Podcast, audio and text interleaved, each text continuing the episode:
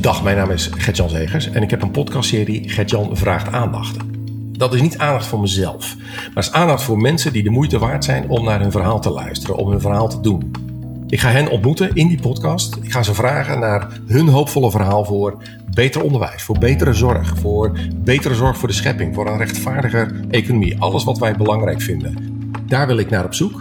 Dus ik ga mensen ontmoeten, dat gaan we opnemen, dat gaan we uitzenden en je kunt daar iets van vinden, iets terugzeggen, meepraten. Maar elke podcast zal eindigen met wat is je hoop? Wat is het hoopvolle verhaal voor Nederland? En zo gaan we vol hoop richting maart 21, dus maart 2021 als er verkiezingen zijn. En dat doen we al pratend, al aandacht geven aan dat wat echt telt.